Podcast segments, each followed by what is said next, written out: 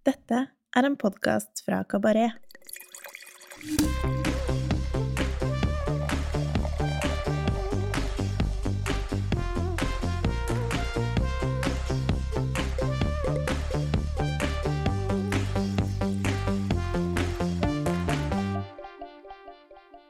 Hei, jeg heter Jørgen, og jeg er redaktør for kabaret.no. I denne episoden av Ukas vin så har vi med oss gjesten Jefferson Goldring, som er vinsjef på Barn Imperial og restauranten Tea Room i Oslo. Like etter at vi hadde spilt inn de fire episodene der han er gjest, så fikk vi en trist nyhet. Luke Henderson, kjøkkensjef og Jeffersons partner ved disse utestedene, er død. Etter å ha snakka med Jefferson kom vi fram til at vi likevel ønsker å publisere episodene. Hallo, hallo. Velkommen til Ukas vin, en podkast fra Kabaret der vi hver uke tester én vin som vi enten digger eller har trua på.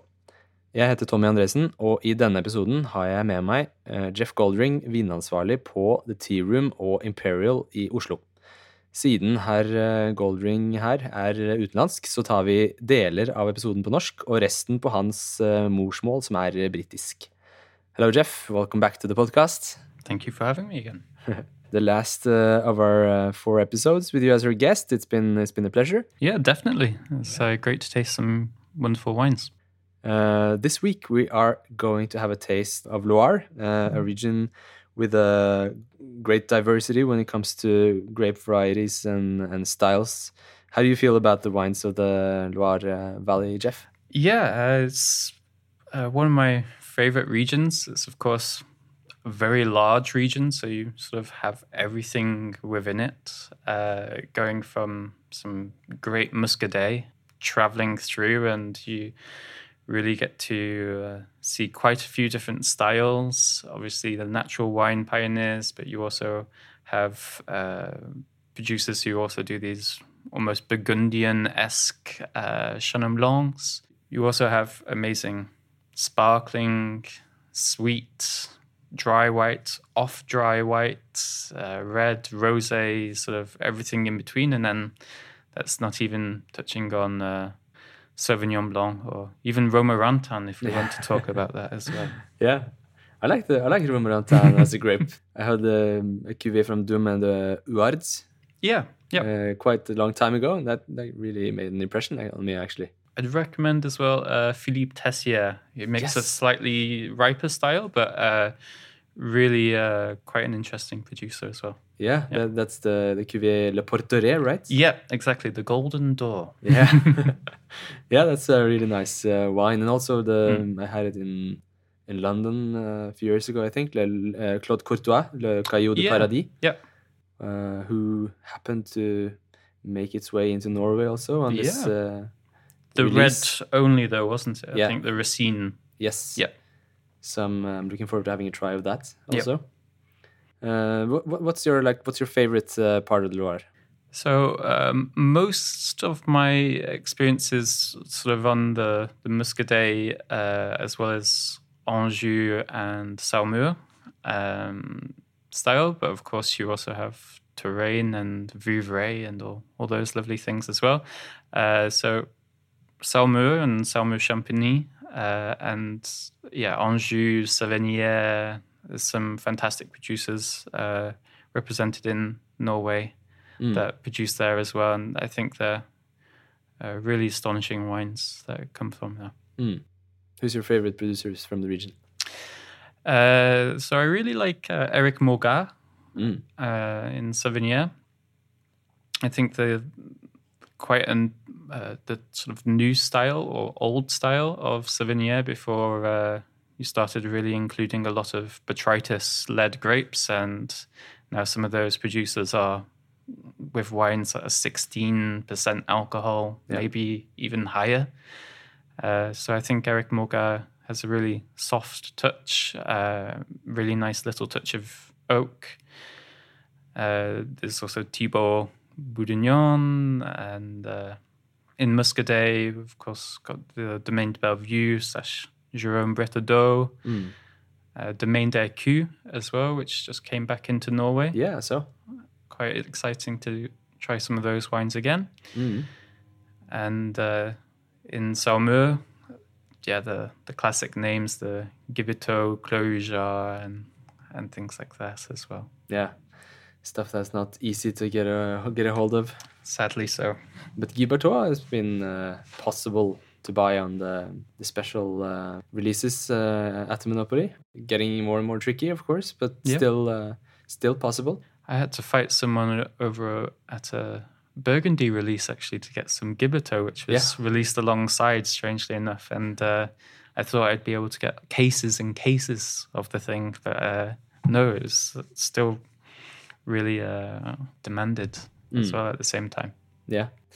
And I also like the the neighbor of uh, Clos Rougeard, um, ah, what's his name? Antoine Sanzay. Antoine Sanzay. Yeah. Yeah. I think his wines are uh, really under uh, appreciated Yep. uh, here in Norway, and there'll probably be more demand for it. But for now, it's uh, quite possible to get a few bottles of uh, Yeah. of his both his whites and his reds. Yep. Uh, like his reds are really really impressive. I think. Mm. And he has a Poyeux, the famous vineyards. Yeah. I had uh, his white for the first time the other week, actually, the Salmartin. Yes. Uh, really impressive, really nice uh, body to it, but still with perfect fruit, a really good balance. Mm. Yeah, and the the Poyeux that you mentioned, that that's a vineyard that it shares with the Clos Rougeard, isn't it? Mm. That's uh, quite a different price range. Yes. I think I saw some of their wines in Denmark for sale, and they're passing on like three, four thousand kroners a bottle. yeah. Quite crazy. Mm. And uh, of course, one one grape that we haven't mentioned yet, uh, which is the one that we're uh, going to be drinking today, uh, also um, a native of the Loire, uh, Pineau d'Aunis. Mhm. Uh, personally, I find it really, really interesting, like with its uh, like peppery, strawberry peppery lemonade kind of uh, juicy fruit to it, and also with like this all this barnyard uh, funky char- natural charm that a lot of the producers making it includes. Yeah. Uh, what's your uh, what's your take on the on the grape? Do you like it? So first time I had it was in one of the the rosés Oh, yeah. of the the Loire. I really like its uh, possibility to have this almost Gamay Beaujolais Mm. Syrah kind of pepper tone, like you mentioned, uh, but still at quite low alcohol. Uh, so I think it, it really manages to feel like a complete package without you necessarily having to have something much higher in, in density and body Mm. as well along the way. Yeah. It, it feels like it has some of the characteristics of, say, Pinot Noir with its earthiness and Mm. strawberry notes, Yep. but also, yeah, the darker side of like the peppery notes of Syrah, Mm. and it's still quite earthy. Yep. Can be a really charming wine, I think, Mm. when made properly. Yep. Ukas vin det er uh, altså en, eh, en uh, saftig, funky og energisk uh, Pinot d'Onis fra naturvinsikonet Jean-Pierre Robineau. Han er en ganske så artig skrue han er et, og et fyrverkeri av et menneske. Han er godt over 70 år og med energien til en tenåring.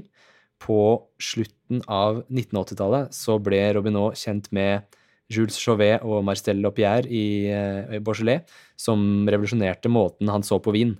Kort tid etter så startet Robinot Robineau opp Le Ange Vin, en av de første naturvinbarene i Paris. Og I tillegg så skapte han og vinkritikeren Michel Betan magasinet Le Rouge et Blanc, som ble sett på som et, eh, en slags bibel for den franske naturvinsbevegelsen. Etter å ha drevet vinbaren og magasinet i tolv år, så bestemte Robineau seg for å prøve lykken som, eh, som vinmaker. I 2001 flyttet han tilbake til landsbyen Chahagne i Loire, hvor han selv vokste opp. Her skaffet han seg sitt eget vineri og begynte plantingen av de lokale druesortene Chenin Pinot Denis og Gamay. Robineau han jobber eh, biodynamisk i vinmarkene. Noen er veldig gamle, opptil hele 110 år gamle, og jobber eh, helt naturlig i kjelleren. Han gjærer vinene langsomt i dype, kalde kjellere, og flere av kuveene hans ligger ofte mellom to til fem år med bunnfallet på fat før de flaskes. Det er helt klart vinene på Chenin Blanc og Pinot Nis som er eh, hans eh, varemerke. Noen vil kanskje driste seg til å si at han lager de beste vinene som finnes på Pinot Donis. Jeg er eh, ikke uenig i det. Jean-Pierre han deler produksjonen sin i to deler. Le Vigne de Angevin, som er druer fra hans egne vinmarker, samt Le Opera du Vin, som består av innkjøpte druer fra likesinnede vinbønder rundt om i Frankrike. Her i landet så er vi ganske bortskjemte med tilgangen på Robinot sine viner. Hele 14 ulike kuveer er tilgjengelig per i dag. Det er ganske sjukt, faktisk, med tanke på hvor utilgjengelige disse vinene er eh, ellers i Europa. Vi skylder importøren Nondos en eh, stor takk, som har et langvarig samarbeid med Robinot gående. Alle de psykedeliske flaskeetikettene med forvridde nattfotografier og abstrakte malerier er det faktisk Robinot selv eh, som lager, eh, og noen av de lager også datteren og sammen. Kuveen Le Regard er biodynamisk dyrket. 30 år gamle vinstokker er plantet i et jordsmonn av rød leire, kvarts og kalkstein. Hele klaser spontanfermenteres med to uker skallkontakt før pressing, videre modning på glassfibertanker i ni måneder før flasking. Vinen er ufiltrert og usvovlet. Druetypen er 100% Pinot Donis, og på polet så koster vinen 399,90. Should we have a taste, uh, Jefferson? Great. Hei, det er Heidi fra nettbutikken vinskap.no her. Hos oss har vi lidenskap for vin, og derfor har vi laget en nettbutikk hvor du kan finne alt du måtte trenge for å dyrke din vininteresse. Hvis du ønsker å lære mer om vin, har vi gode bøker og masse annet læringsmateriell. Vi har glass fra Salto, Riedel, Grassel, Jenses Robinson og Lehmann. Og selvsagt markedets beste vinskap i forskjellige størrelser.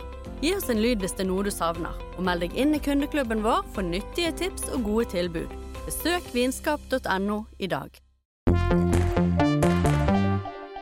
So the color here is uh, pretty, pretty red. Yeah. Pretty, pretty red. it's uh, got a nice sort of transparency to it. Not too high extraction. No. um, Not not very thick skin. Sort of grape.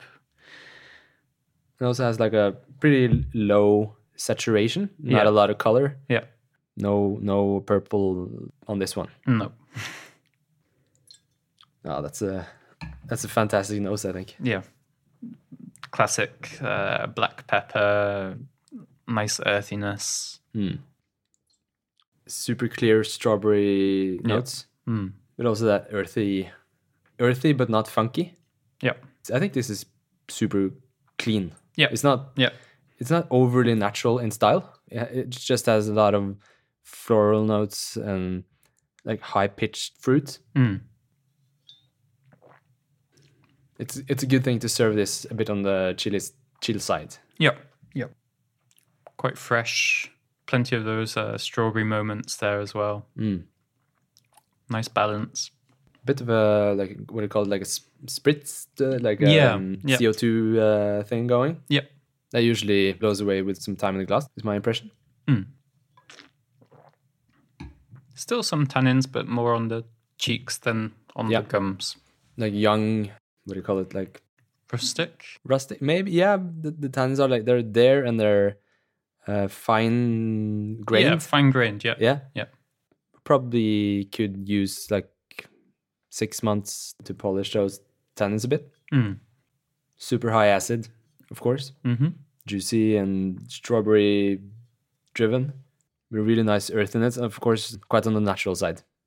And this is um, Jean Pierre uh, Robinot's um, wine that's been the shortest amount of time in uh, tanks, and it's also like his most fruit forward, floral, and accessible uh, cuvee. Mm-hmm. Um, but I also find that his his more a bit like darker cuvées like Nocturne and uh, the more pricey stuff is also quite nice, but in a different different style. Yeah, I think that they're always built to enjoy quite quite soon actually, but Mm. uh, I think um, even with this one, uh, you can still age it for a touch of time as well. Mm. Yep. It's the 2018 cuvée, but it's a cla- classical winemakers uh, thing that uh, the cork says 2017. Right. So probably like surplus from the yes. previous uh, vintage. I, I just love pen on labels where they have to write the, the vintage on change a seven into an eight. yeah, yeah. That's a that's a quality uh, marker for me. yeah. No suits and marketing uh, divisions here. Tiny bit of nail polish on the nose, nose also, but nothing that like goes in the way. No, it, it's still an incredibly balanced wine. I don't think it mars anything of the earth or the fruit. It's super lightweight, like it's a velvety featherweight uh, of a wine. Yep. And I, this, this has gone through two weeks of uh, skin maceration. It's like a f- it almost feels shorter. Yeah, I'd say so. Especially looking at the color, you, you wouldn't imagine it would be so long. Mm. That's probably the grape that Yeah. has like those characteristics. Mm. Really like an like underripe, kind of underripe strawberry to it. Like this, the fruit is really sour, Yeah, yep. But still made from 2018, and also like 10% alcohol. Who, who, who does that in 2018? Maybe that that underripe tone has uh, some sense to it. Mm. Another uh, cool um, Donis uh, producer that's uh, starting to get into the country uh, is La Grapperie. Have you tried those?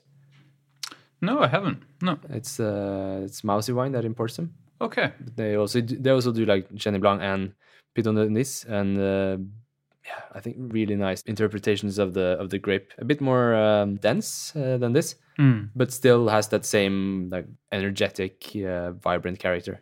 Mm. Worth checking out. The Enchantesse, I think the the red cuvee is called. Okay. Ask the guys at Brutus. Yes. They'll know. how about how about uh, food pairings with this? Uh, What would you eat along with this wine? I think, uh, especially with the freshness of it, I think, uh, but also the earth, perhaps the the classic uh, beetroot and goat cheese salad. Oh yeah, Um, and goat cheese, very famous from the region as well, of course, Mhm. the Chavignol and so on. Could also suit Asian food quite nicely. The black pepper, sort of black bean Chinese sauce. yeah, that makes sense. But also like a perfect wine to just uh, have on its own. Yeah. Also nice to have on the yeah on the lower uh, side of the temperature range. I Yep. think like twelve, well ten to ten to fourteen. Let's just let it rise. Hmm. It's probably a good idea. Yeah. And um, we're drinking it from like the Bordeaux glasses from Zalto, which I feel is pretty the, like the right choice. Yeah, I, think uh, it depends on how far you want it chilled. It could be in even smaller glasses. Yeah, that's true, but not not necessarily bigger. I would think. No, no. And also to, to like to keep the fruit uh, like focused and primary, it's nice to have not too big of glasses. Hmm. Yeah, such a such a cool cuvee. I, I think I had it uh, like every vintage from a couple last maybe five years or something. It's been it's been uh, really charming and uh, different from from year to year, and like a great representation of uh, red natural wine from Loire. I think. Yep. Very approachable. I don't think anyone would be scared away from it. No. Do you feel any like uh, there? Does do you feel mousiness on this? Not particularly, no. No. No. There's just like volatile uh, Yeah. stuff going on. Yeah. Yeah. How, how do you feel about it? Uh, do you have like a high tolerance for uh, VA, or are you?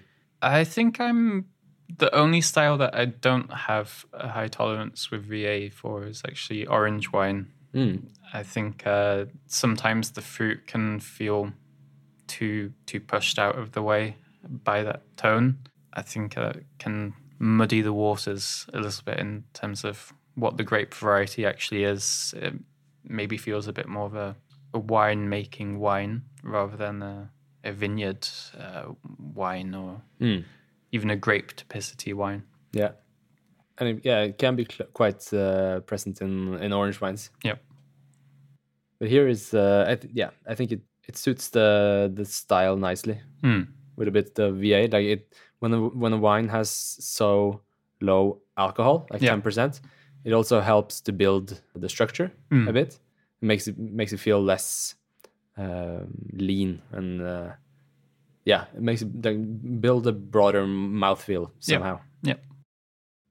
Nice. I think that sums it up uh, nicely for this one. Thank you so much, Jeff, for uh, for joining us for these uh, four episodes uh, of our podcast. It's been great having you here. It's been a pleasure for me as well.